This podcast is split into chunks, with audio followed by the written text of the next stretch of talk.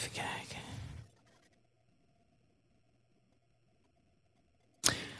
Yes, vandaag mag ik uh, met jullie uh, het woord delen. En het gaat over ontzag voor God. Ik was erg aan het bidden van Heer, waar moet ik het over hebben? En direct kwam het woord ontzag voor God. Ik denk, oké Heer, maar wat wilt u gaan spreken? Maar goed, God heeft me een woord gegeven. En ik bid dat je ieder geval je hart opent ervoor. Want heel vaak als je hoort het woord ontzag, sommige mensen denken al van, weet je wel, en het moet een drama en er komt een heel veel.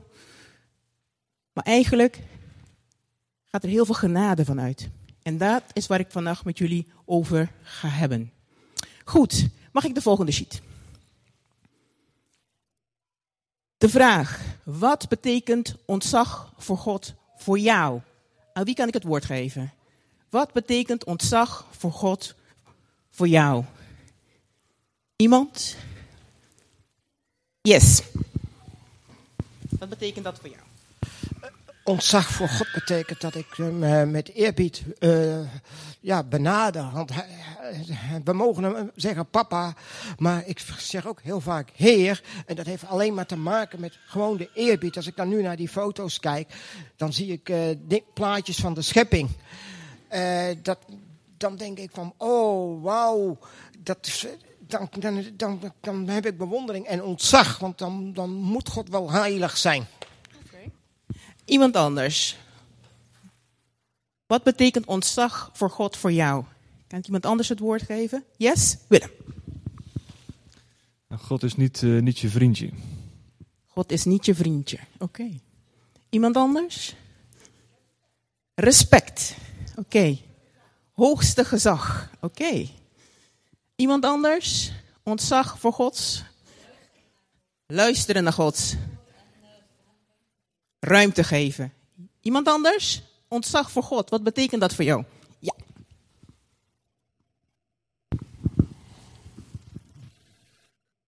Een paar keer van de week hebben we meegemaakt, als je met mensen spreekt of bidt, dat soms mensen denken, ik vraag aan de Heer wat ik nodig heb en dat geeft hij me zomaar.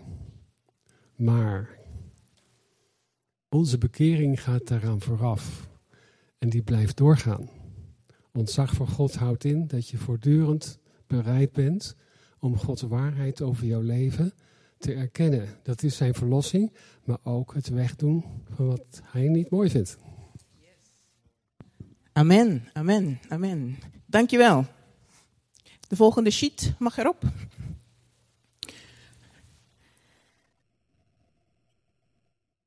Toen ik nog uh, pas bekeerd was, toen was ik ongeveer 16, 17 jaar. En um, dus toen leer ik Jezus kennen. En er werd heel veel gesproken over vrezen des Heer, eerbied hebben voor God, respect, ontzag. Maar wat betekent dat nou? Vroeg ik me af. Het klonk alsof je heel angstig moest zijn voor God, terwijl juist in de Bijbel het net iets anders staat. Dat God ons juist lief heeft. Dat Hij jou wil kennen. Dus ja, ik, ik, ik begreep dat niet zo. En heel vaak hoorde ik ook, ja, wat deze wereld nodig heeft, is de vrezes des Heren. Maar wij zelf dan? Hebben we dat niet nodig? De volgende sheet alsjeblieft. Mijn uh, Hebreeuws is niet helemaal prachtig, maar ik ga hem ieder geval voorlezen. Jirat Adonai Lechachim. Maar wat betekent dat nou? Wist je dat de Joden eigenlijk vanuit zo'n respect voor God de naam van God niet eens willen uitspreken? Omdat ze zo bang zijn de naam van God ijdel te gebruiken? Daarom zeggen zij altijd Adonai Elohim, de Heer God in meervoud. Hoe raar of misschien vreemd het ook mag klinken, dat je iemand niet bij naam mag noemen van wie jij houdt. Maar iets wat ik heb geleerd is, door, door uh, meerdere Bijbelvertalingen te gaan lezen, van wat er dan staat. Want niet elke vertaling kan je het echt helder maken eh, wat God echt, in ieder geval hoe het bedoeld is, in de kern. En hoe meer ik meerdere vertalingen ging lezen, ging ik echt het begrip vrezen, die vrede des Heren, werd mij steeds duidelijker. En uiteindelijk heb ik het kunnen omarmen. Want uiteindelijk hoor je van, oh, ik moet God vrezen en ik moet bang zijn, ik moet angstig zijn. Oh jee, oh jee, wat ga ik allemaal doen? Zo meteen komt er, uh, wat er allemaal komt. En gaandeweg werd ik wel enthousiaster van wat God daarmee echt bedoelt. Want het is namelijk eigenlijk iets heel moois. Want eigenlijk betekent het uiteindelijk, kom kinderen, luister naar mij. Maar aan het eind van het woord zal ik jullie in ieder geval uitleggen waarom het dat betekent. Oké? Vandaag ga ik meerdere Bijbelvertalingen gebruiken, zodat je kunt zien hoe het was in de kern en hoe het vertaald is, waardoor, waardoor je dan soms gewoon de kern gewoon mist.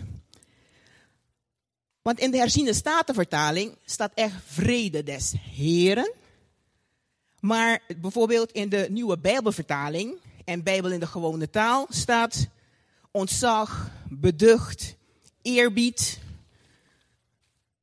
maar ook bevelen. Hierdoor is het moeilijk om te begrijpen wat die jiraat nou eigenlijk betekent. Wat bedoelt God nou eigenlijk daarmee? Weet je, het is interessant om te weten dat zowel in het Hebreeuws en in het Grieks het woord voor vrees is vertaald zoals de vrede des Heren. Zoals het is vertaald met angst, maar ook met eerbied en ook met respect. In het Grieks is het woord phobos, die kennen wij toch? Dat betekent fobie. Eén en hetzelfde woord dus. Voor respect en angst. De vrede des Heren is dus overigens niet alleen iets vanuit het Oude Testament, maar ook iets uit het Nieuwe Testament. De volgende sheet alsjeblieft. Maar wat is dat nou? Eerbied en ontzag voor God in de Bijbel wordt gegeven als maatstaven. Ik heb daar een mooi plaatje van allemaal meetlinten. Waar we onze aanbidding, al onze werken, ik heb het al gehoord, onze hele leven, kunnen beoordelen zoals God dat heeft opgedragen. De Bijbel gebruikt angst en eerbied door elkaar. De Heer eren is hem vrezen in de diepste zin van het woord. Maar niet zoals men het, de donker vreest, maar zoals men God vereert als schepper van het universum. Helaas sinds de zondeval is er iets gebeurd. Is het respect voor God vervuld met schaamte en angst. Mensen zijn bang geworden voor God. De ondergeschikte werd bang uh, voor zijn meerdere, de vrouw voor zijn man, de, de kinderen voor hun ouders, de mensheid voor God. Respect en angst waren vrijwel synoniem geworden. Ineens waren Adam en Eva bang en angstig geworden voor God. Dezelfde God waarmee ze de dag ervoor door de tuin wandelden. Maar wie is er nou veranderd? Was het God of Adam en Eva? Wie is er nou veranderd? Maar in deze gevallen wereld is het idee om God te vrezen ingeruild voor alsof je bang moet zijn in het donker of banger voor de vijand. Het is een bijproduct geworden. Maar eigenlijk wil Satan dat wij gewoon het doel missen van wat het betekent om God daadwerkelijk te vrezen. Hij wil dat je bang bent voor wat je pijn kan doen. Hij wil dat je bang bent um, voor dingen die, die jou zouden kunnen uitschakelen, vernietigen. In plaats van bang zijn voor degene. In plaats dat je dan echt degene gaat vereren eigenlijk. Die de tactieken en de angst kan verdrijven. Dus eigenlijk is het gewoon omgekeerd. Mag ik de volgende sheet alsjeblieft?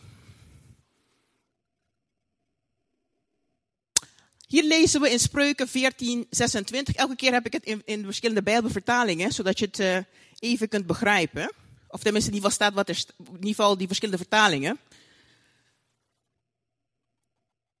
In de NBV staat, ontzag voor de Heer geeft, geeft een krachtig vertrouwen. Het biedt je kinderen een schuilplaats. En het herziene statenvertaling zegt, in de vrezen des Heren is een sterk vertrouwen. En voor zijn kinderen zal hij een toevlucht zijn.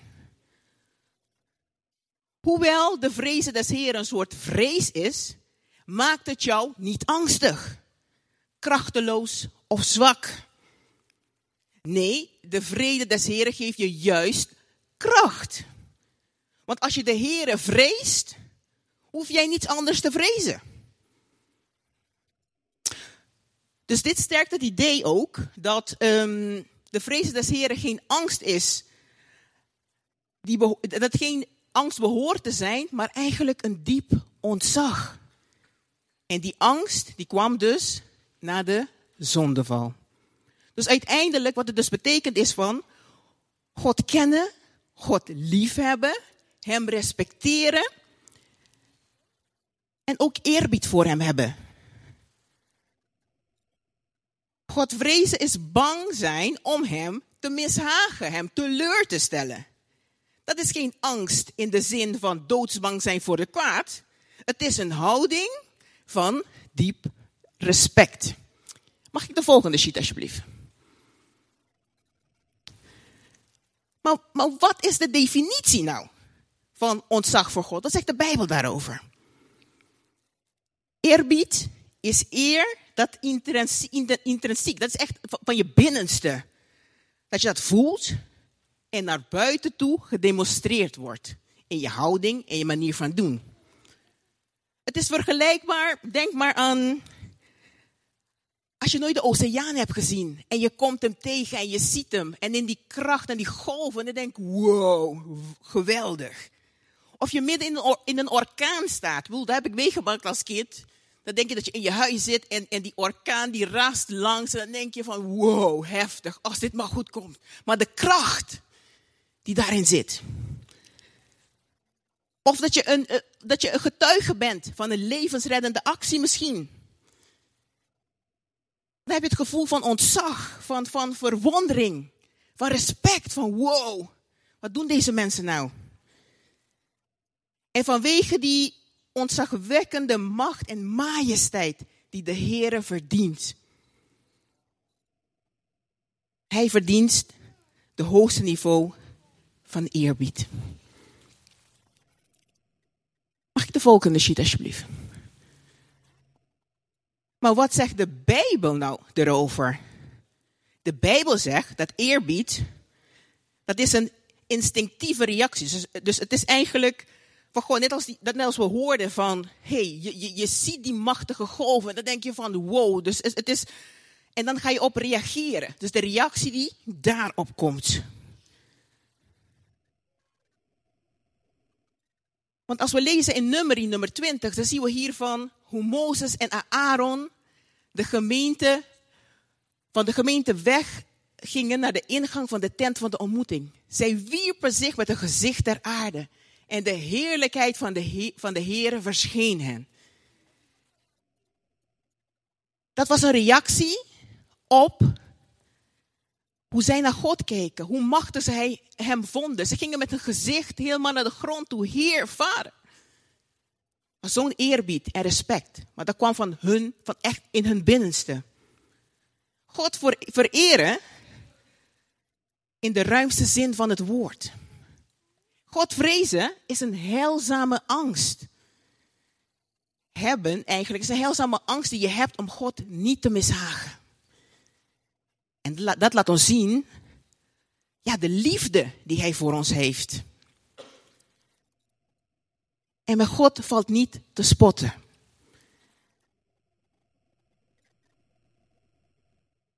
God had de Israëlieten heel veel geboden gegeven over wat, over wat het betekent om eerbied te hebben voor God.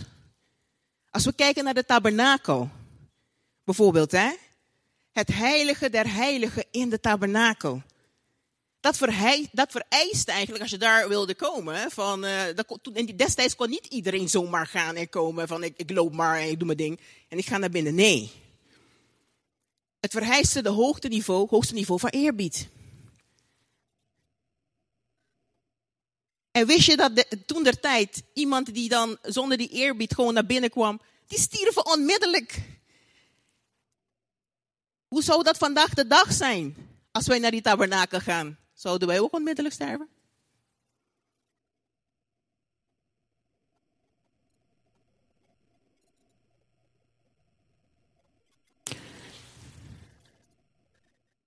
Eerbiedig zijn betekent een leven met het constante besef dat we in de aanwezigheid van een onzagwekkende God leven, onze heilige God. Hij is bij ons in alles wat we doen. Hij kent ons hart. Hij weet hoeveel haar op onze hoofd zijn. Degenen hebben heel veel haar, die hadden haar en die zijn weggevallen. Maakt niet uit, maar hij weet het. Onze machtige God houdt van ons met de eeuwige liefde. Hij is altijd bezorgd om ons. Alles wat we nodig hebben, voorziet Hij door Jezus Christus en door de Heilige Geest. En juist daarom zou Hij onze diepste respect moeten hebben. God spreekt over ontzag als een aangeleerde vaardigheid en roept ons om deze in ons dagelijks leven in praktijk te brengen. Mag ik de volgende sheet alsjeblieft? Psalm 38, vers 8 zegt: Laat de hele aarde de Heere vrezen. Laat de inwoners van de wereld ontzag voor hem hebben. Ik hoorde het ook al, iemand zei al, ontzag voor God hebben betekent dat wij hem heerschappij geven over ons leven. Wat betekent heerschappij? Zeggenschap. Op elk gebied van ons leven, de keuzes die we maken. En erkennen dat we gehoorzaamheid, in ieder geval, het heeft te maken met gehoorzaamheid, daar komt het op neer. Dat we gehoorzamen aan zijn wil, wat hij wil voor ons. Mag ik de volgende sheet alsjeblieft? Maar belangrijk is er moet een balans zijn. Want anders gaat het scheef. Wat je hier ziet op dat plaatje. Als we alleen maar de liefde en goedheid van God zouden kennen, kan dat ons wetteloos maken. En als we alleen de vrezen des Heren zouden kennen, dan zou dat ons wettisch kunnen maken. Er moet een balans zijn tussen deze twee dingen. Aan de, ene kant, aan de ene kant is God een grote, een grote en machtige God. Niets is aan hem gelijk. En aan de andere kant is hij een barmhartige, genadige en liefdevolle God. Maar weet je wat het probleem is? Als je zo'n geweldige en fantastische cadeau hebt omarmd, maar de vrezen des Heren niet omarmt, dan kan je onverschillig worden en gemakzuchtig. Het maakt niet uit wat je doet. Want God, ach, die vergeeft toch wel. Het is juist zo'n houding die, die aanstootgevend kan zijn voor degene die nog niet gelooft.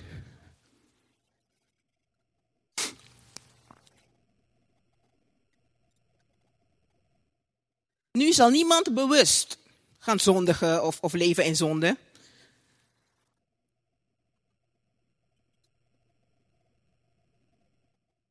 Maar ja, soms gebeurt het gewoon wel.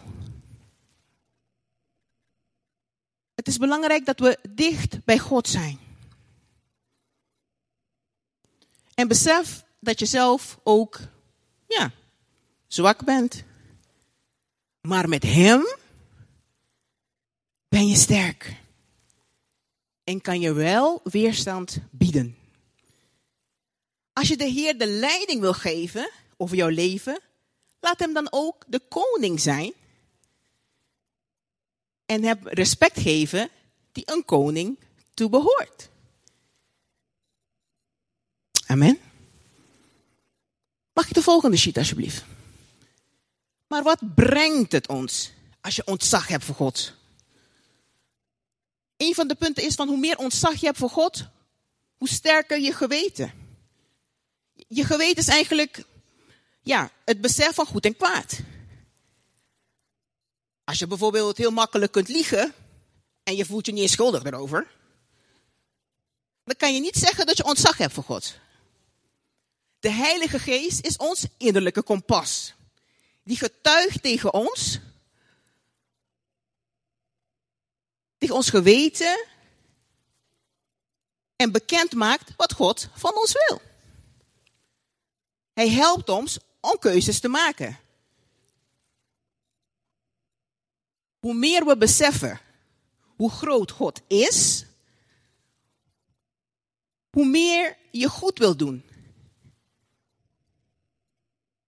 En hoe meer je de Heilige Geest leiding wil geven. Ontzag leidt tot gehoorzaamheid. Weet je wat het is? Sommige christenen die leven in angst en gebondenheid of zonde, waardoor ze toch nog zondigen en met een schuldgevoel achterblijven. Ontzag voor God geeft ons niet alleen een sterk geweten, maar het brengt ook leven. Het brengt ook redding. Het brengt ook rust en geluk. Want in Psalm 145, vers 19 zegt: Aan de mensen die ontzag voor God hebben, geeft Hij waar ze om vragen. Diep ontzag en respect voor God is eigenlijk een natuurlijke reactie op God die zich openbaart. En dat is eigenlijk de enige passende reactie. En heel vaak als je hoort over ontzag voor God, dan denk je van, hé, hey, dit vertaalt zich eigenlijk in onderwerping. Als je dat woord hoort, onderwerping. Oh God, oh God, ik moet luisteren naar een ander, wat de ander zegt. En ik eh, eh, heb geen zin in. Want die zegt, ik ben mijn eigen baas. God regeert over mij, hoor ik hier vaak. Ik ik, heel wat moet ik lachen, ik zie cliënten met zo'n tato van... Only God can judge me, weet je wel. Dan denk ik, ja, only God can judge you. Oké, hartstikke goed. Maar geef jij God ook die ruimte in jouw leven? En het is belangrijk is van die onderwerping en nederigheid is niet omdat het opgelegd is, maar omdat iedere vezel in jou ervaart dat dit klopt. Als ik besef wie God is, hoe kan ik dan tegen hem keren? Dan wil ik van hem leren. Mijn twijfels aan hem voorleggen. Alles waar ik mee zit. Dat ik gewoon besef hoe groot en machtig God is. Mag ik de volgende sheet alsjeblieft? Als je het vrezen van God omarmt, zie je in de Bijbel dat er heel veel beloftes zijn die God ons geeft op het moment dat wij Hem leren vrezen. Spreuken 10, vers 27.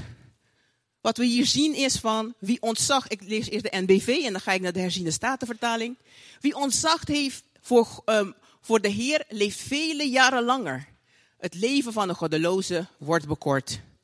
De vrezen des Heren vermeerdert de dagen, maar de jaren van de goddeloze wordt bekort. Wie wil er nu niet langer leven? Overigens, het omgekeerde is niet waar. Hè? Als iemand kort leeft, dan betekent dat hij geen ontzag heeft voor God. Zo werkt dat niet. Mag ik de volgende sheet alsjeblieft? In Spreuken 14, vers 27. Ontzag voor de Heer is de bron van het leven het hoedje voor de strikken van de dood. De vrezen des Heren is een bron van leven om de strikken van de dood te ontwijken.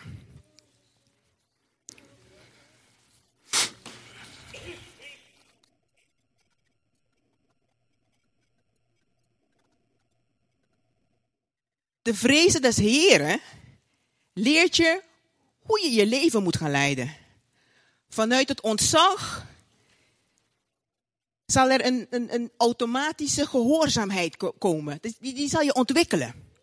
En het zal je behoeden voor zondig gedrag en wat de consequenties daarvan zouden kunnen zijn.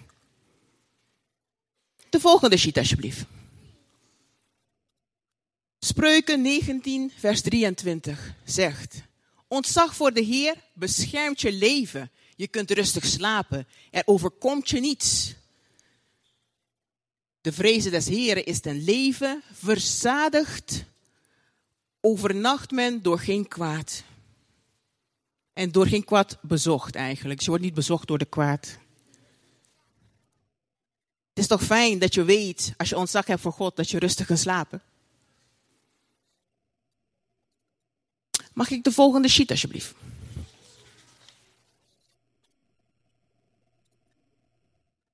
Spreuken 22 vers 4 zegt, wie bescheiden is en ontzag heeft voor de Heer, wordt beloond met rijkdom, eer en een lang leven.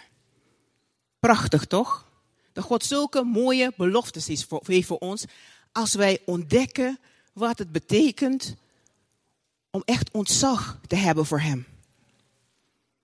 Mag ik de volgende sheet alsjeblieft? Hier zijn best wel heel veel Bijbelteksten, maar die ga ik allemaal niet lezen.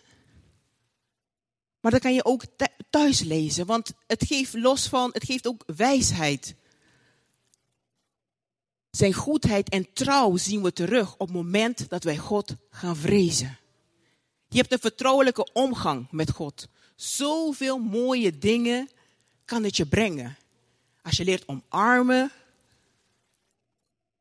En als je God erkent voor wie die is in jouw leven.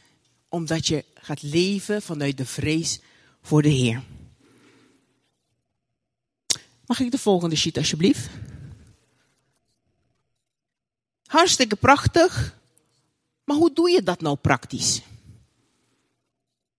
Als we kijken in Spreuken 2, vers 1 tot en met 5, daar staat een soort, ja, um, hoe wil je dat noemen? Een soort, maar in ieder geval een aanwijzing van hoe je dat zou moeten doen. Want het is eigenlijk zinloos om te praten over ontzag hebben voor God. Maar je weet niet hoe je het moet doen. Want je hoort het, hè? alle mooie termen. Ja, we moeten hier handen omhoog, uh, op je knietjes en uh, liggen op de grond. En we zijn in zijn, in zijn tegenwoordigheid. Hartstikke prachtig. Maar wat is het nou? Hoe kunnen we de, vrezen, de vrees voor God eigen maken? En daarmee ook de beloftes die God geeft, dat dat waarheid wordt in ons leven. Hier zegt God, ik ga de NBV eerst lezen. En dan ga ik weer verder uh, naar de herziende statenvertaling. Mijn zoon, als je in acht neemt wat ik zeg, mijn richtlijnen altijd onthoudt, een open oor hebt voor mijn wijsheid, een geest die neigt naar inzicht, als je erom vraagt de dingen te begrijpen, roept om scherpzinnigheid. En naar zoekt als, als was het zilver en naar speurt als naar het, een verborgen schat, dan zul je ontdekken wat de ontzag voor de Heer is. Dan zul je de kennis van God verwerven.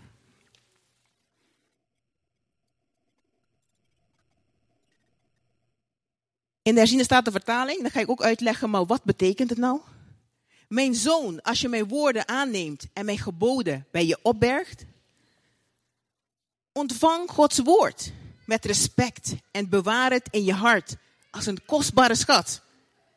Het Hebreeuwse woord dat gebruikt is voor het woord bewaren,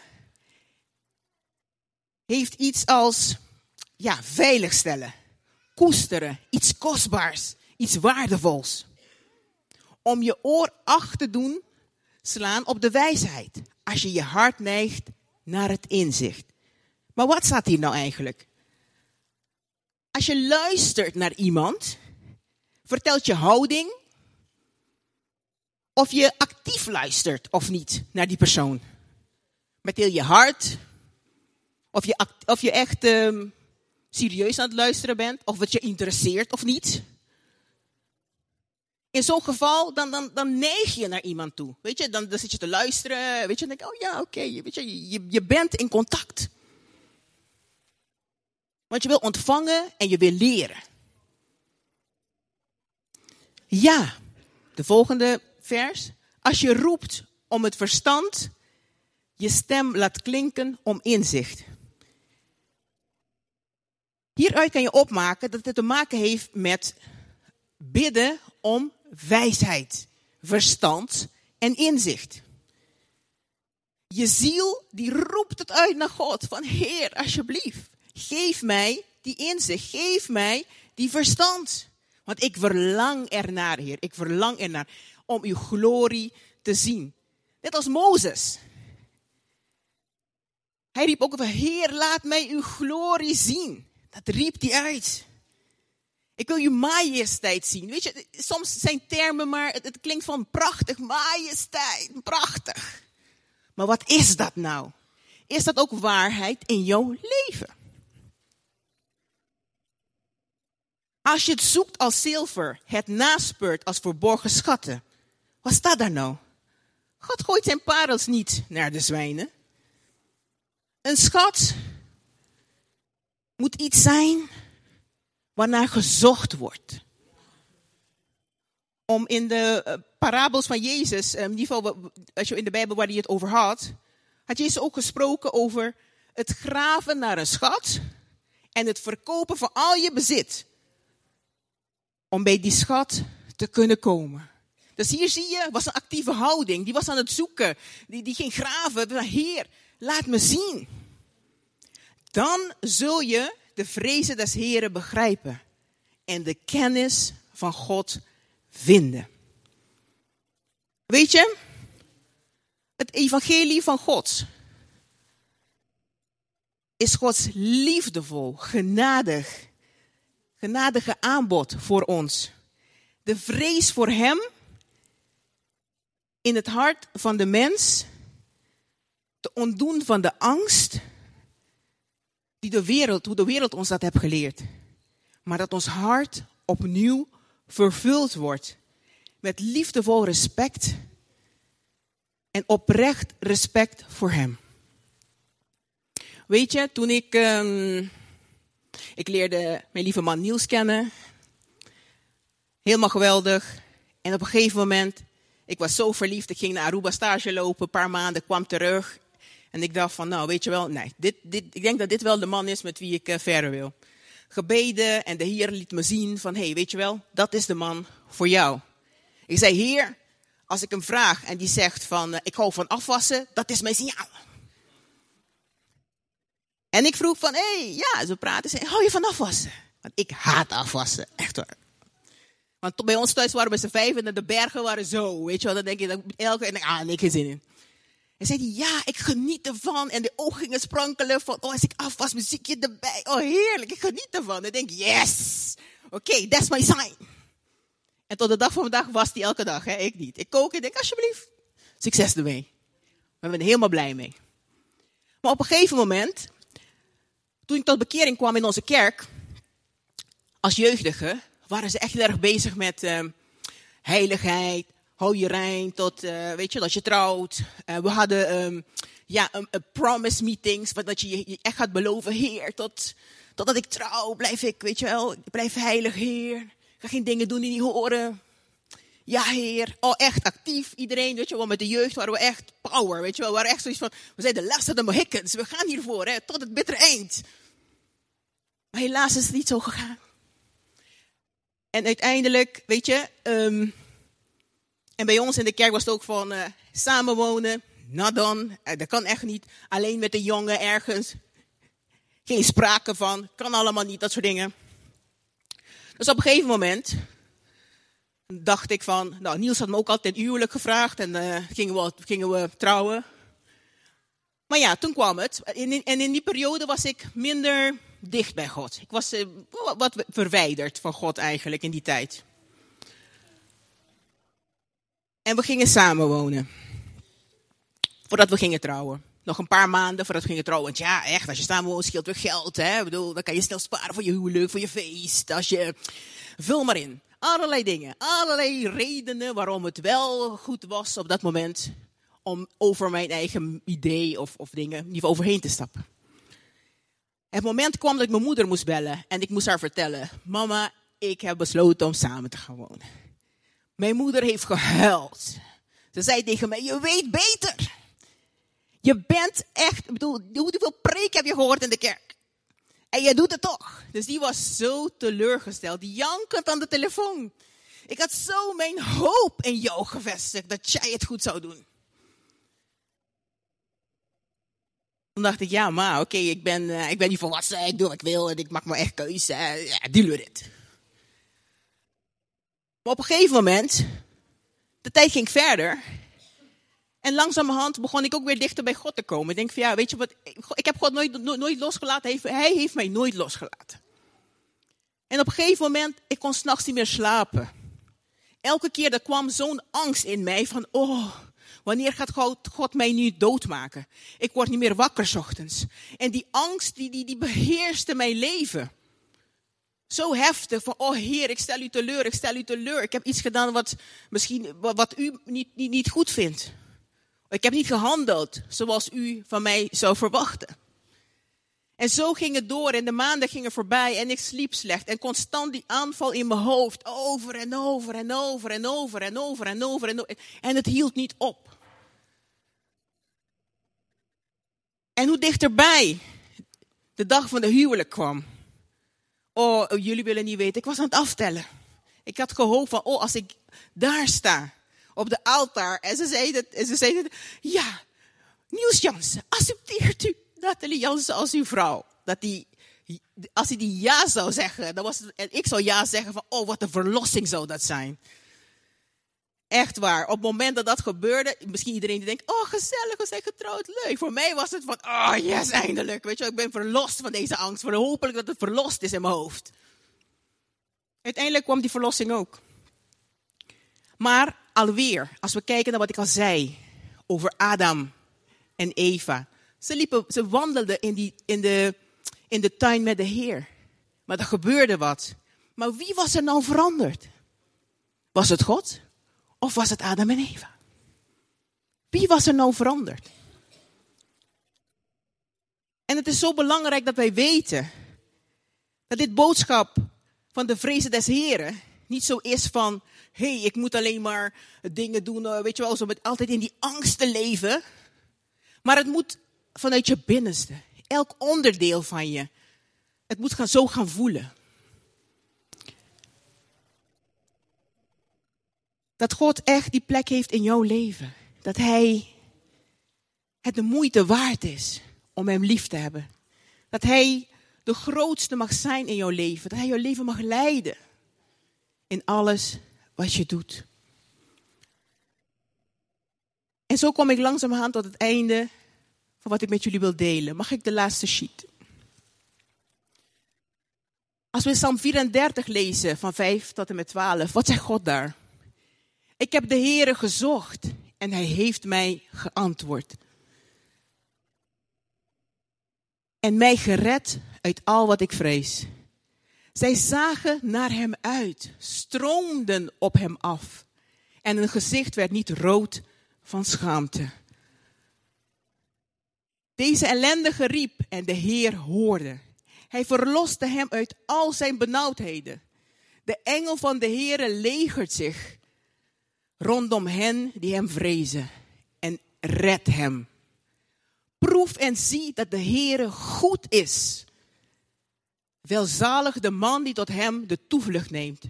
Vrees de Heere, u zijn heiligen, want wie hem vrezen hebben geen gebrek. Jonge leeuwen lijden armoede en honger, maar wie de Heere zoekt, hebben geen gebrek aan enig goed. En vers 12 zegt hij, kom kinderen, luister naar mij.